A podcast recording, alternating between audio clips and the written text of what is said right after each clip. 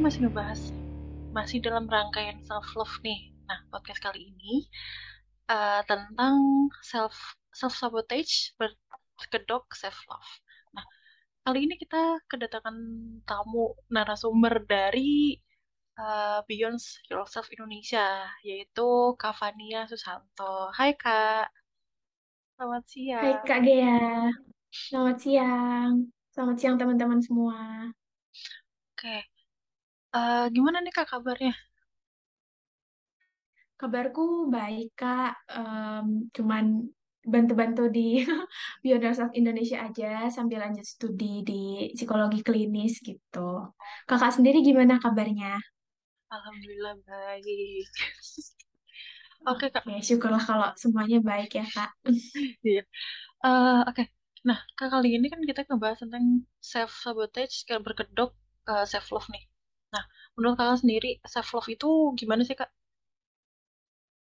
Oke, kalau self love itu gimana? Mungkin ini topik yang paling sering dibahas gitu ya. Kalau dalam ranah psikologi kan kita sering lihat tuh self love, mencintai diri sendiri. Tapi sebenarnya itu spesifiknya gimana sih? Jadi bener banget nih Kak Gea dan teman-teman yang mungkin udah pernah baca self love itu apa? Itu adalah kondisi di mana kita bisa menerima diri kita tapi dalam konteks yang kita menerimanya tuh apa adanya, tanpa syarat kayak gitu. Jadi kita bisa memberikan penghargaan terhadap diri kita dengan tindakan yang mendukung. Nah, tindakan yang mendukung ini bisa secara fisiologis, emosional, ataupun spiritual. Spiritual ini sifatnya bisa juga kayak dari mental, dari psikologisnya seperti apa. Nah, ketika kita mendapatkan penghargaan tersebut, itu nanti akan meningkatkan lagi nih hal-hal lain selain yang tadi kita merasa dicintai, kita juga akan merasa dihargai, merasa um, dibutuhkan, merasa kebermaknaan hidup. Dan ketika kita menjalankan self-love, berarti kita sudah mampu menghargai, menjaga, memikirkan kebahagiaan, dan juga kesejahteraan diri kita sendiri. Gitu, Kak Dea. Oke. Okay. Uh, berarti si self-love itu udah puncak dari segalanya yang uh, mulai dari kita self-awareness, hmm. terus dari rangkaian tersebut ya, Kak? Oke. Okay. Benar, jadi self love itu ada beberapa aspeknya gitu Kak Gea. Jadi ada tadi yang udah Kak Gea sebutkan ada self awareness, ada self worth, ada self esteem sama self care. Nah, jadi hal-hal ini yang pada akhirnya tuh membentuk um, suatu self love gitu. Jadi indikator-indikator apa sih kalau misalkan kita itu udah menjalankan self love. Nah, biasanya ada keempat aspek itu tadi. Self awareness itu ditandai ketika kita sudah sadar apa sih proses berpikir kita dalam kehidupan sehari-hari, menyadari kebutuhan diri kita apa, menyadari apa yang sedang kita perlukan. Misalkan kita lagi butuh bantuan nih, kita tahu oh aku lagi perlu bantuan. Misal aku lagi capek, oh aku tahu nih kondisiku sekarang aku lagi capek. Dan ketika kita tahu itu, kita akan merasa lebih nyaman karena kita jadi lebih sadar kan. Ketika sadar, kita tahu nih sumbernya apa, terus mungkin kita juga bisa handle situasi dengan lebih baik karena udah tahu nih sumberku tuh ini, kebutuhanku tuh ini. Dan ketika nanti kita sudah menyadari, barulah naik ke tingkat yang lebih tinggi gitu. Itu ada self worth. Self worth ini kan kayak keberhargaan diri kita gitu ya, keyakinan kita pada diri kita bahwa kita itu bernilai loh, kita itu adalah individu yang juga spesial, individu yang berharga, memiliki nilai yang berharga terlepas dari apa pun pencapaian atau target hidup yang mungkin masih belum bisa kita capai. Jadi kan kadang mungkin ada situasi di mana kita gagal, kita belum bisa sampai ke tujuan akhir gitu ya. Tapi dalam prosesnya ketika kita sudah berusaha, sudah menjalankan apa yang berada di dalam kontrol kita, kita juga sebenarnya sudah bisa kok mengapresiasi diri kita. Nah, ketika kita bisa menghargai itu, kita mengapresiasi diri kita, itu juga udah masuk self love. Itu yang kedua, Kak. Kalau yang ketiga tadi, yang self-esteem. Kalau self-esteem itu biasanya juga bisa meningkat kalau misalkan self-worth yang di poin kedua tadi udah ada. Kenapa kayak gitu? Karena kalau misalkan self-esteem itu kan biasanya cenderung mengarah ke rasa puas, di mana ketika kita mencapai, berhasil mencapai sesuatu. Kalau kita merasa berharga, kita merasa oh aku ini ada nilainya, aku ini ada gunanya ya. Nah itu juga akan ningkatin PD-nya kita gitu kan kayak oh iya ya, aku nih um, bisa kok ngelakuin ini, aku nih juga berharga, aku bisa nih lebih menghargai diriku, lebih mempercayai diriku untuk mungkin proyek-proyek atau kegiatan ke depannya seperti apa. Dan setelah itu nggak cuma sampai di menghargai aja, tapi kita juga apa ya kayak merawat diri kita gitu Kak. Nah, merawat diri ini walaupun mungkin self love itu aspek psikologis, tapi dalam kita mencapai self love itu juga ada aspek-aspek lain yang mendukung. Misalnya kalau misalkan aspek fisiologis itu self care-nya kayak kita tidur teratur, pola makannya cukup, eh pola makan cukup, pola makannya tuh yang bergizi gitu ya kak ya, empat sehat lima sempurna. Terus kita juga tahu nih kebutuhan kita, kita bisa mengkondisikan lingkungan kita itu menjadi sesuatu yang nyaman buat kita, sesuatu yang suportif buat kita.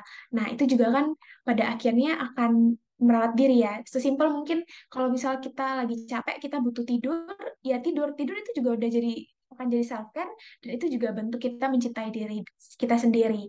Karena tadi poinnya kan kita menyadari itu di aware dulu kan yang pertama kita sadar kebutuhan kita apa, kita hargain apa prosesnya kita, terus kita ngerawat juga diri kita gitu kak Gea oke hmm, dari tahap-tahapan itu emang harus uh, dilakukan step by step ya kak ya oke.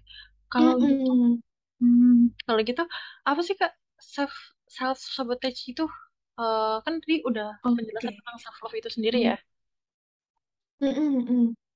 Oke, okay. kalau self sabotage ini memang terkadang uh, agak mirip-mirip gitu mungkin ya kak ya. Jadi miripnya dalam artian mungkin kita nggak sadar nih, kita ngerasa kita lagi mencintai diri kita, kita lagi merawat diri kita. Padahal sebenarnya mungkin kita tuh lagi membuat apa ya mungkin mekanisme pertahanan diri untuk menimbulkan suatu kondisi di mana kita tuh merasa nyaman. Jadi kita nganggapnya, oh ini nih kondisi yang aku mencintai diriku nih, aku lagi istirahat karena aku lagi capek. Padahal bisa aja um, self sabotage mungkin contoh simpelnya itu kayak prokras gitu ya kak ya. Kita mungkin mikirnya lagi capek gitu kan, terus kita butuh istirahat. Tapi kalau prokrastinasi kan itu menunda-nunda-nunda-nunda terus, yang akhirnya itu menghalangi kita untuk mencapai tujuan. Jadi self sabotage itu itu lebih ke apa ya kayak musuh terbesar itu misalkan kalau ada ungkapan di musuh terbesar kita itu sebenarnya diri kita sendiri. Itu ya mungkin mirip-mirip kayak self sabotage ini kak. Karena sering kali kan ini kondisinya yang tidak disadari ya kalau kita tuh lagi sebenarnya melawan diri kita sendiri atau mempersulit diri kita dalam mencapai suatu tujuan. Nah, perilaku dan pola pikir yang nggak disadari ini biasanya akan cenderung merusak atau menghalangi kita dalam melakukan apa sih yang sebenarnya kita ingin capai. Karena tadi mungkin ketika ada situasi yang buat kita merasa cemas, merasa tertekan, kita cenderung menghindari Nah, menghindari terus dirasionalisasikan mungkin dengan enggak kok ini aku lagi self care, aku lagi self love, aku lagi menyayangi diriku. Padahal mungkin saat itu kita lagi ibaratnya menyabotase diri kita bahwa kita tuh lagi nggak baik-baik aja sebenarnya karena kan kalau sampai progres kan mungkin lagi cemas atau ada indikasi pengen sesuatunya tuh perfect kayak gitu apakah ketika kita melakukan sesuatu tidak dengan tidak sempurna terus kita jadi uh, merasa tidak berharga, terus kan balik lagi tadi kan ke aspeknya self love gitu kan. Nah ini sih kak kadang yang mirip-mirip, terus kadang tuh apa ya kayak mungkin bisa jadi tumpang tindih karena tadi sifatnya mungkin kita nggak sadari dalam bentuk-bentuk yang bisa jadi ini self love gitu. Nah mungkin dalam mengenali self sabotage ini itu juga ada beberapa aspek penting kak yang bisa kita lihat.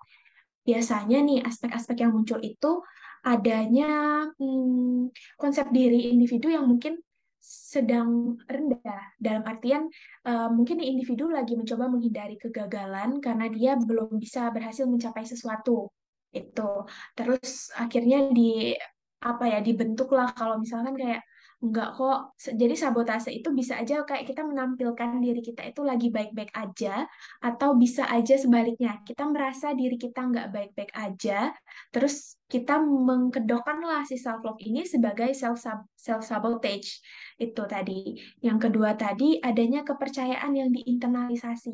Kalau ini misalnya kayak kepercayaan negatif yang mungkin um, kita yakini mempengaruhi pikiran dan perilaku kita untuk mempertahankan perilaku buruk yang dipelajari dan dianggap benar. Misal, contoh lagi tadi yang prokrastinasi ya kak ya. Kalau misalkan prokrastinasi ini kita mikir, enggak kok aku tuh ngerjain di akhir-akhir, aku nunda tuh karena aku mau tunggu lengkap dulu, tunggu detail dulu, aku mau yang perfect banget nih, baru nanti di terakhir aku kerjain. Mungkin kita tanpa sadar, kita mikir kayak, Oh, enggak kok. Kan aku maunya ini menampilkan sesuatu yang terbaik ya. Padahal tuh tadi ada indikasi bahwa kita menghindari situasi cemas ketika mungkin mengerjakan tugas itu atau laporan itu. Mungkin itu sesuatu yang baru, sesuatu yang tidak menyenangkan untuk kita kerjakan. Jadi kayak pikiran kita menginter menginternalisasi bahwa enggak kok ini tuh sebenarnya aku ya baik-baik aja. Aku ngelakuin ini juga untuk tujuan yang bagus kayak gitu.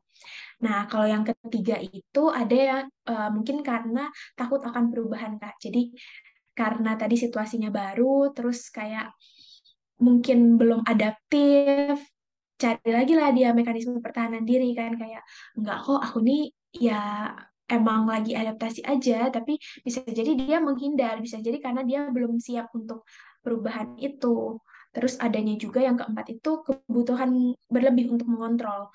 Dalam artian mungkin akan merasa senang dan nyaman kalau misalkan situasi itu berada, berada di bawah kontrolnya. Tapi kan terkadang nggak semua situasi itu bisa sesuai ekspektasi kita gitu kan ya Kak. Jadi ada hal-hal yang hmm, mungkin udah kita rencanain, udah terplanning dengan sangat-sangat baik, udah dari jauh hari, tapi pas hari H mungkin ada hal yang di luar kontrol gitu kan. Nah, untuk menghadapi kegagalan, tadi takut akan perubahan, terus ketidaknyamanan itu, individu biasanya kalau misalkan melakukan self sabotage itu nggak sadar, terus itu tadi bisa dengan yang berpikir negatif akan dirinya, terus dia jadi nggak mencintai dirinya. Bisa juga dengan dia merasa enggak kok aku ngelakuin ini karena ya aku emang lagi baik-baik aja, padahal sebenarnya kan lagi nggak baik-baik aja dan mungkin lagi butuh validasi. Gitu Kak Gea. Oke. Okay.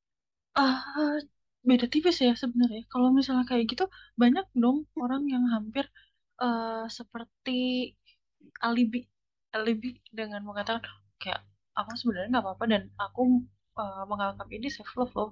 Padahal itu semua pun sebenarnya merugikan ya. Bisa jadi seperti itu kan? Nah kan kalau misalnya ini dilakukan tanpa sadar gimana sih caranya untuk menyadarkan diri sendiri untuk untuk uh, kita tahu kalau misalnya sebenarnya kita tuh selama ini menyebutasi diri untuk uh, jauh dan malah jauh dari self love itu sendiri kan. Oke, Kun kata kuncinya tadi adalah di sini Kak Berarti. Coba kita cek lagi nih. Tindakan yang kita lakukan itu apakah menghalangi diri kita untuk lebih produktif dan mencapai well-being, mencapai tujuan yang ingin kita capai, misal contohnya um, Kak Gia dikasih tugas nih, atau teman-teman dikasih project gitu ya. Entah project baru atau project yang sebenarnya udah sering dilakukan, tapi kondisi kita tuh lagi capek karena belum ada jeda libur, nggak ada dapat cuti, tapi lembur terus setiap hari, kayak gitu kan. Nah, ketika kita istirahat di malam hari, kita menunda nggak ngerjain itu, kita baru kerjain di hari H, karena kita ngerasa capek banget, ya mungkin itu bisa jadi bentuk self love dalam artian kita kasih waktu kita istirahat dulu karena memang kita nggak dapetin dan kita masih kerjain itu besok harinya. Kita masih ngelanjutin tuh proses si project ini. Tapi kalau self sabotage itu misalnya kita ngerasa aduh aku capek banget, udah aku mau istirahat aja, udah aku nggak mau nggak mau ketemu orang dulu sampai jadi mempengaruhi ke sosialnya juga nih kak. Jadi kan ini udah tujuan yang nggak tercapai, projectnya nggak dikerjain, terus juga ada fungsi-fungsi diri yang jadi terlibat yang terganggu gitu kan kak. Jadi cek lagi deh kata kuncinya. Ketika kita melakukan itu, misalnya tadi pas kita capek, apakah memang setelah kita istirahat itu untuk nge-recharge kita, untuk bentuk apresiasi kita atas usaha kita, atau ketika kita udah istirahat, ya kita istirahat terus, nggak ada mulainya lagi nih, kayak um, udah capek istirahat tapi nggak ada mulai lagi, nggak start lagi, cuman habis jeda ya jeda terus, jedanya lama, tujuannya tadi nggak tercapai gitu kan. Karena kan tadi self sabotage artinya Arti simpelnya adalah kita um, perilaku ataupun pola pikir kita yang mungkin kita nggak sadari itu merusak atau menghalangi dalam melakukan apa yang kita ingin capai. Jadi seolah-olah kita itu membuat jeda atau apa itu karena kita mau mencapai, padahal sebenarnya kita nggak melakukan usaha apa-apa seperti itu, Kak. Masih bingung nggak Kak Dea kalau terkait yang ini? Oke, oke, oke. Um, harus sadar dulu ya, kalau misalnya uh, kita harus tahu uh, ininya berarti ya, uh, apakah apakah langkah ini bisa memajukan aku atau enggak, misalnya kayak gitu ya, atau malah mempengaruhi membuat situasi semakin buruk atau enggak kayak gitu ya, berarti. Iya, iya benar Kak. Oke, uh, itu untuk untuk mengenali mengenali agar kita eh untuk menyadari agar kita tahu uh, itu sebenarnya sabotase atau malah self love ya. Terus kalau misalnya iya uh,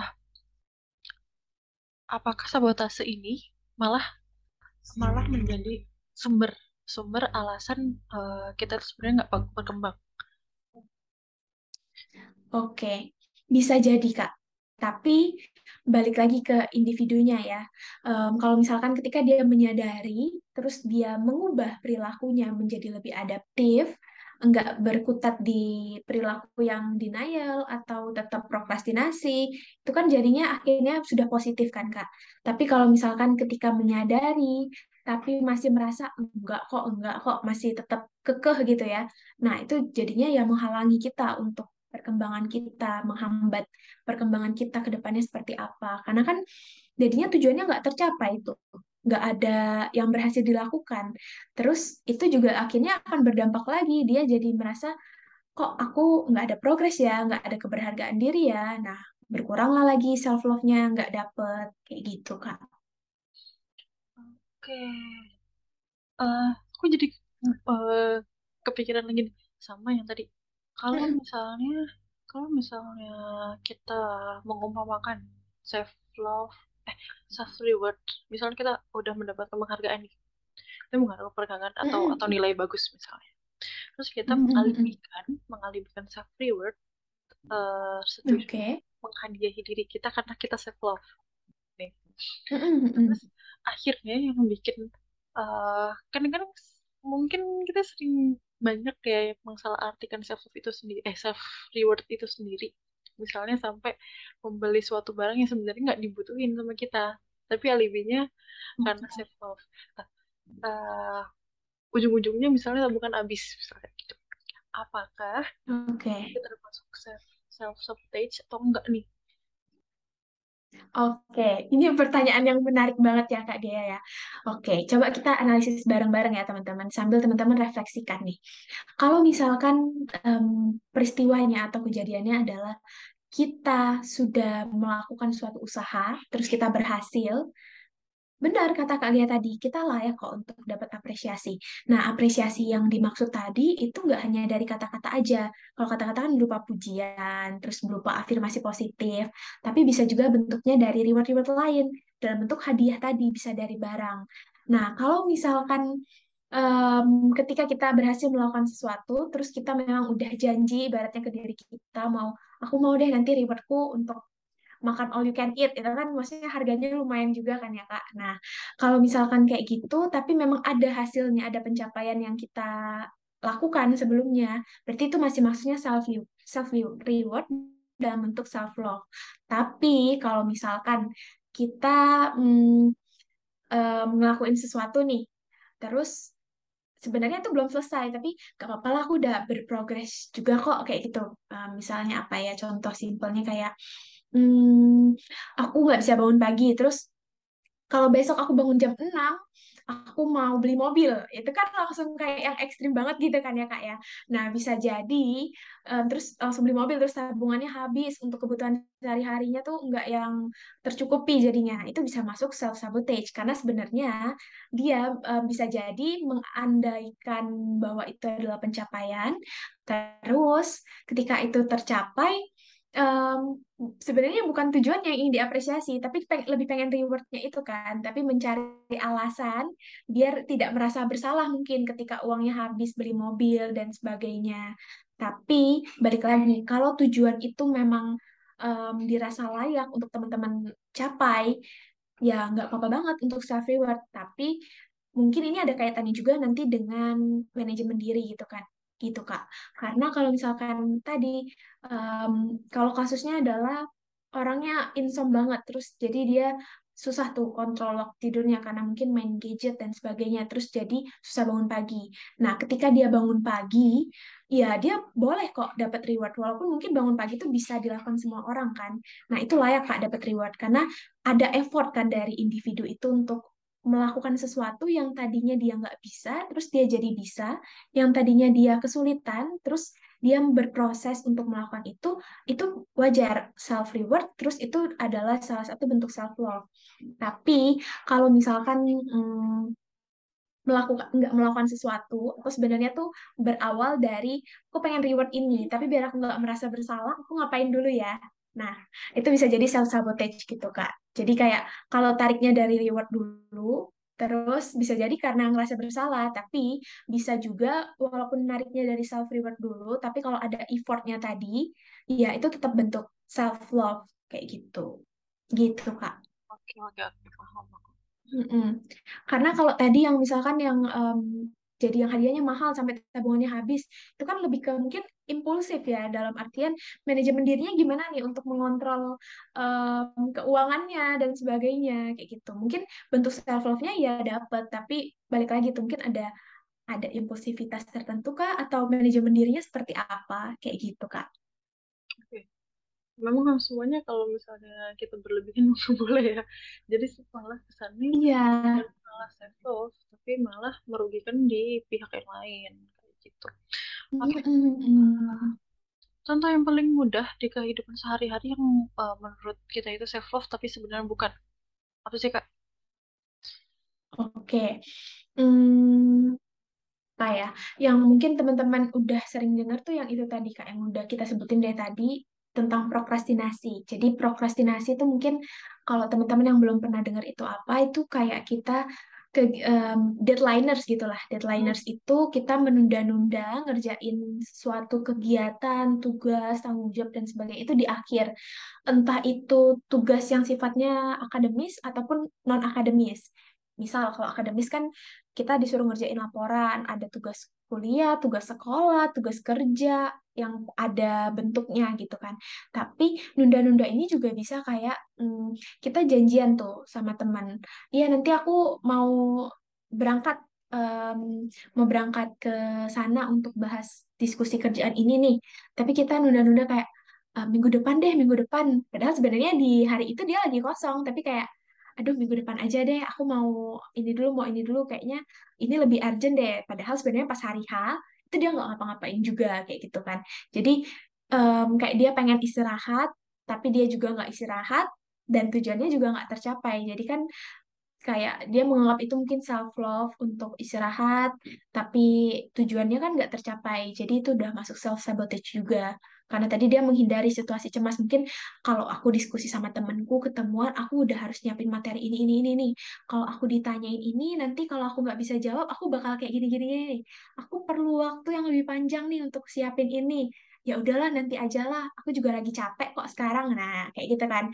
Padahal sebenarnya um, pas hari H itu bisa aja dia nggak nggak istirahat juga. Atau dia menganggap itu istirahat menganggap itu um, ya udah aku ambil waktu dulu padahal kan sebenarnya itu kita secara tidak sadar lagi menyabotase diri kita kalau misalkan oh aku nih sekarang lagi capek ya lagi nggak baik-baik aja ya aku maunya tuh tampilnya tuh yang baik-baik aja nih ke teman-temanku makanya aku mencerminkan perilakuku yang seperti itu. Bisa juga bentuk lainnya dengan kita minder karena merasa diri kurang, terus kita maunya perfect kayak gitu kan. Jadi kayak kita nundanya tuh di akhir-akhir kayak gitu kan itu juga sebenarnya bisa jadi kita menyabotase diri kita karena adanya rasa kurang percaya diri itu tadi, terus karena kita mau itu sempurna banget, jadi kita tunda terus. Padahal kalau mau sempurna kan seharusnya tetap dicicil ya, dikerjain dikit-dikit gitu kan, ada prosesnya. Tapi ini tuh sama sekali nggak dikerjain. Jadi kayak ya udah di akhir aja lah, pokoknya di akhir kayak gitu. Biar aku tuh lebih otaknya encer kayak gitu. Misal di akhir lebih deket waktu pengumpulan gitu kan. Padahal sebenarnya ya dia mundur-mundur karena memang lagi males mungkin kayak gitu. Tapi ya muncul rasionalisasi itu tadi. Uh, terus kalau misalnya aku misalnya ber, berpendapat seperti ini, uh, karena aku mencintai diriku sendiri, maka aku nggak uh, akan memaksakan diri memaksakan diri ketika aku melakukan kegagalan. Nah, uh, apakah itu masih termasuk dalam self love apa enggak sih? Oke, menurutku ini bisa jadi dua-duanya kak. Kenapa bisa jadi dua-duanya? Um, tergantung outcome-nya, tapi ini bisa menjadi self love ketika kita memang um, memvalidasi bahwa memang diri kita sedang tidak baik-baik saja saat gagal itu, terus kita kasih waktu, kita nge-recharge energi kita dulu, terus kita lanjutin lagi tugasnya, kita lanjutin lagi prosesnya, misal nih, gagal di bagian bab 3, skripsi misal gitu kan, gagal di bagian bab 3, kan skripsi bab 1 sampai bab 5 gitu kan ya Kak, gagal di bab 3, oke aku lagi gagal nih di bab 3, aku mau ambil waktu tenang dulu lah, karena kalau aku lagi emosi sedih juga aku nggak bisa fokus. Aku ambil waktu tenang, aku recharge dulu, terus aku mulai lagi. Nah, ketika recharge, ketika dia stop dulu, ketika tidak memaksakan dirinya untuk langsung baik-baik aja, untuk langsung ngerjain si bab tiganya itu tadi, itu menurutku masih masuk self-love. Tapi bisa masuk self-sabotage kalau misalkan kondisi itu memunculkan sesuatu yang negatif, terus jadi dia merasa kayak, udahlah aku nih nggak guna kayak gitu. Aku nih nggak guna aku tuh nggak bisa ngapa-ngapain. Aku tuh bodoh banget lah nggak ada hal yang berguna yang bisa aku kasih ke orang-orang kayak gitu kan. Untuk diriku sendiri aja aku tuh nggak guna. Hanya karena dia nggak bisa nyelesai hanya karena dia gagal di bab tiga. Padahal sebelum-sebelumnya misal dia udah pernah menang lomba apa udah ada prestasi apa dan sebagainya. Jadi kayak langsung judgement diri dia bahwa oh aku tuh nggak berguna karena satu hal ini. Nah, ketika si kegagalan ini dia kan nggak memaksakan nggak memaksakan untuk mengerjakan si bab tiga kan. Nah itu tapi masuknya udah self sabotage karena tadi muncul pikiran-pikiran negatif, terus itu juga jadi menunda dia untuk mencapai tujuan si penyelesaian skripsinya itu, gitu kak. Oh oke, okay. berarti kalau misalnya kita sudah eh, kalau misalnya kita menyadari uh, kegagalan hmm. itu terus nggak cuman uh, ngambil jeda terus melanjutkan itu baru itu disebut dengan self love itu sendiri ya kak. Iya benar. Karena kita taking care ourselves dulu gitu kan. Kita kasih waktu kita validasi emosi-emosi kita yang ketika kita ngerasa gagal ngerasa apa dan sebagainya yaitu self love kita menyadari kebutuhannya kita menyadari oh, aku lagi nggak baik-baik aja ya aku lagi butuh istirahat dulu ya. Nah itu self love gitu kak. Oke Um, aku mau minta contoh dari self love itu sendiri dong kak. Seperti apa? Oke, self love itu seperti apa gitu ya? Mungkin self love yang tepat itu seperti apa? Mungkin ada beberapa poin-poin yang bisa jadi ancang-ancangnya teman-teman untuk um, tahu self love yang benar itu seperti apa. Yang pertama, kenali dulu nih kebutuhannya teman-teman itu apa kasih prioritas dulu ke diri sendiri. Jadi nggak cuma prioritasin orang lain, tapi juga kebutuhan dari diri sendiri itu seperti apa, itu dikenali dulu, terus dilakukan, diusahakan dipenuhi kebutuhannya. Terus yang kedua, hindari untuk self judgment dengan membanding-bandingkan diri, kenali juga apa yang bisa kita kontrol dan nggak bisa kita kontrol. Yang bisa kita kontrol kan yang sifatnya berasal dari internal ya kak ya, apa yang kita lakukan. Tapi kalau misalkan yang nggak bisa kita kontrol, itu kan kayak perilaku orang lain, respon orang lain. Kadang kan itu juga membuat kita mungkin merasa tidak dihargai, merasa tidak dicintai dan sebagainya. Padahal kita kan juga berhak kok untuk mendapatkan validasi apresiasi dari diri kita sendiri atas prosesnya kita. Karena bisa jadi ekspektasi orang-orang yang terlalu tinggi, tapi kitanya udah berproses seperti itu.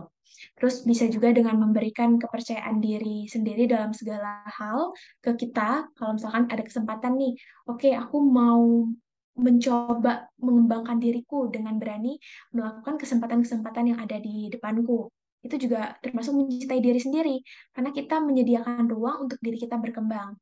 Terus kalau yang sisi fisiologis kayak tadi pola makan 4 sehat 5 sempurna, terus pola tidur yang teratur, waktu jamnya 6 sampai 7 jam sampai 8 jam itu waktu tidur yang optimal untuk usia-usia kita saat ini. Kemudian yang penting juga bentuk self love yang paling mudah itu adalah tiga kata penting Kak. Jadi ada terima kasih, maaf, dan minta tolong. Nah, ini bisa kita lakukan ke diri kita sendiri, ataupun kalau misal kita mau menunjukkan bahwa kita mengapresiasi orang lain, mencintai orang lain, itu bisa kita tunjukkan ke orang lain. Terima kasih itu misalnya, Terima kasih ya diriku karena sudah berjuang sampai sejauh ini. Terima kasih ya kamu selalu mengusahakan yang terbaik. Aku tahu kamu nggak mudah jalaninnya. Mungkin dari dalam prosesnya ada tangisan, ada keterpurukan dan sebagainya kayak gitu kan. Kita ucapin terima kasih dulu. Terus yang kedua, kita juga boleh minta maaf ke diri kita sendiri. Nggak maafnya ke orang lain aja, tapi ke diri kita juga boleh. Jadi kayak, maaf ya diriku, karena mungkin aku selama ini terlalu keras sama kamu. Aku selama ini terlalu nurutin apa kata-kata orang tanpa mendengarkan apa sih yang kamu butuhkan saat ini, kayak gitu. Nah, yang terakhir, um, kita juga boleh minta tolong ke orang lain. Minta tolong ini seberapa bisa kita sampaikan kebutuhan kita. Misal kita lagi nggak baik-baik aja, aku perlu jeda dulu nih, aku perlu istirahat dulu, baru nanti kalau aku udah sembuh dari sakitku, aku nanti akan kerjain lagi kayak gitu. Misal lagi sakit yang perlu dirawat di rumah sakit lah, atau kita lagi demam atau apa, sampai kita nyung-nyung kepala pusing kayak gitu kan. Kita boleh ngomong itu ke orang lain. Termasuk juga dengan uh, meminta pertolongan kepada para profesional. Misalkan dirasa teman-teman atau orang di sekitar kita itu lagi nggak hadir buat kita kayak gitu. Bisa minta tolong misalkan ke psikolog atau ke psikiater ke dokter tergantung tadi kebutuhannya apa. Ke fisik atau yang psikologis. Karena kan sekarang juga udah banyak ini kan ya kak platform-platform psikologi platform psikologi yang layanan jasa-jasa konseling online gitu kan. Karena di Bioneers of Indonesia juga lagi buat batch satu untuk tim konselingnya gitu kak. Gitu sih kak mungkin contoh self love yang paling simpel menurutku uh, tadi ada ngebahas sedikit tentang terpengaruh tuh dengan orang lain. Nah gimana sih kalau misalnya agar kita nggak terpengaruh sama orang lain terhadap self love kita sendiri? Oke okay. balik lagi ke poin yang nomor tiga yang tadi aku sebutin di self love itu seperti apa kita fokusnya pada apa yang bisa kita kontrol. Karena untuk tidak terpengaruh ke orang lain itu sebenarnya juga pilihan kita loh kita mau terpengaruh, kita mau ngikutin ekspektasi orang lain atau enggak, itu juga pilihannya kita. Kita perlu sadari dulu nih, bahwa tiap individu itu unik. Tiap individu itu unik, dan nggak bisa disamaratakan. Karena punya karakter yang beda-beda, punya sifat yang beda-beda, kepribadian yang beda-beda, minat, hobi, dan kebutuhan yang juga beda-beda. Nah, gimana caranya biar kita nggak terpengaruh? Dengan kita fokus pada apa yang bisa kita kontrol. Kita nggak perlu tuh dengerin omongan orang lain kalau misalkan itu nggak benar. Kalau misalkan mereka terlalu tinggi ekspektasinya ke kita, fokus aja ke apa yang bisa kita kontrol. Oke, aku kemarin udah misal mau ujian, yang bisa aku kontrol adalah aku belajar, aku persiapkan diri baik-baik, latihan soal, baca catatan, baca buku, dan sebagainya. Tapi yang nggak bisa aku kontrol adalah nilaiku. Aku nggak tahu nih dosennya bakal ngasih nilai esai itu berapa kayak gitu kan. Kita nggak ada jawaban pasti gitu kan ya kak. Nggak kayak pilihan ganda misal gitu kan soalnya gabungan. Nah itu kan udah di luar kontrol kita tuh udah persepsi gurunya persepsi dosennya seperti apa. Nah itu kan nggak bisa kita kontrol. Tapi kita perlu sadari bahwa kita tuh juga udah berusaha loh. Sadari apa yang bisa kita kontrol, sadari kebutuhan kita apa, apa yang sudah kita lakukan, refleksikan. Setelah itu kita kita bisa apresiasi. Nah, dengan gitu kan kita nggak terpengaruh tuh orang puji atau apa dan sebagainya, tapi lebih ke, oke, okay, dari diriku sendiri gimana sih sebenarnya? Kan yang 24 per 7 sama diri kita, diri kita sendiri kan. Kita yang paling tahu tuh kita ngapa-ngapain, usahanya kita seperti apa. Mungkin orang nggak lihat kita lembur tengah malam atau kita tidur sampai pagi buat ngerjain project, tapi diri kita kan tahu. Berarti kita juga boleh kok untuk mengapresiasi, mencintai diri kita sendiri tanpa menunggu orang lain yang melakukan itu terlebih dahulu. Itu kan. Oh, iya, aku paham. Uh, kakak, aku minta statement closing, eh, closing statement deh untuk uh, obrolan kita kali ini. Oke, untuk closing statement dari obrolan kita hari ini, jadi teman-teman yang penting adalah teman-teman kenali dulu nih kebutuhan teman-teman itu apa, coba direfleksikan, terus tarik nafas sejenak. Tarik nafas ini dalam artian, yuk ambil waktu tenang, coba pikir tenang-tenang, terus sambil atur nafas gitu juga bisa. Tarik nafas, tahan nafas, hembuskan sambil bayangkan kondisiku sekarang seperti apa ya aku lagi gimana ya perasaannya, apa ya yang lagi aku butuhkan. Kemudian teman-teman coba lihat juga proses pencapaian teman-teman itu sampai sekarang udah sampai di titik mana nih. Teman-teman coba apresiasi, terus itu juga adalah bentuk mencintai diri sendiri. Karena ada quotes nih Kak dari Wayne Dyer itu yang bilang kalau kamu tuh tidak harus selalu menjadi yang lebih lebih baik dari siapa pun. Yang penting kamu itu hanya perlu lebih baik dari dirimu sebelumnya. Gitu Kak Gea. Nggak ada bisa-bisa ya pembahasan itu dan banyak aspek yang harus emang kita sadari. Emang harus kita sadari bahwa itu seperti apa dan jangan sampai justru uh, kita mengatasnamakan self love padahal kita merugikan diri kita sendiri itu ya kak ya. Oke kak. Iya benar banget kak. Oke kak terima kasih untuk waktunya kapan ya untuk uh, sudah berkenan berbagi ilmu dan informasi tentang self love love dengan soulmate LDS nah. Iya, makasih juga Kak Gea. Semangat ya teman-teman tetap mencintai diri kita dan sesuai kebutuhan biar kita nggak menyabotase diri kita ya.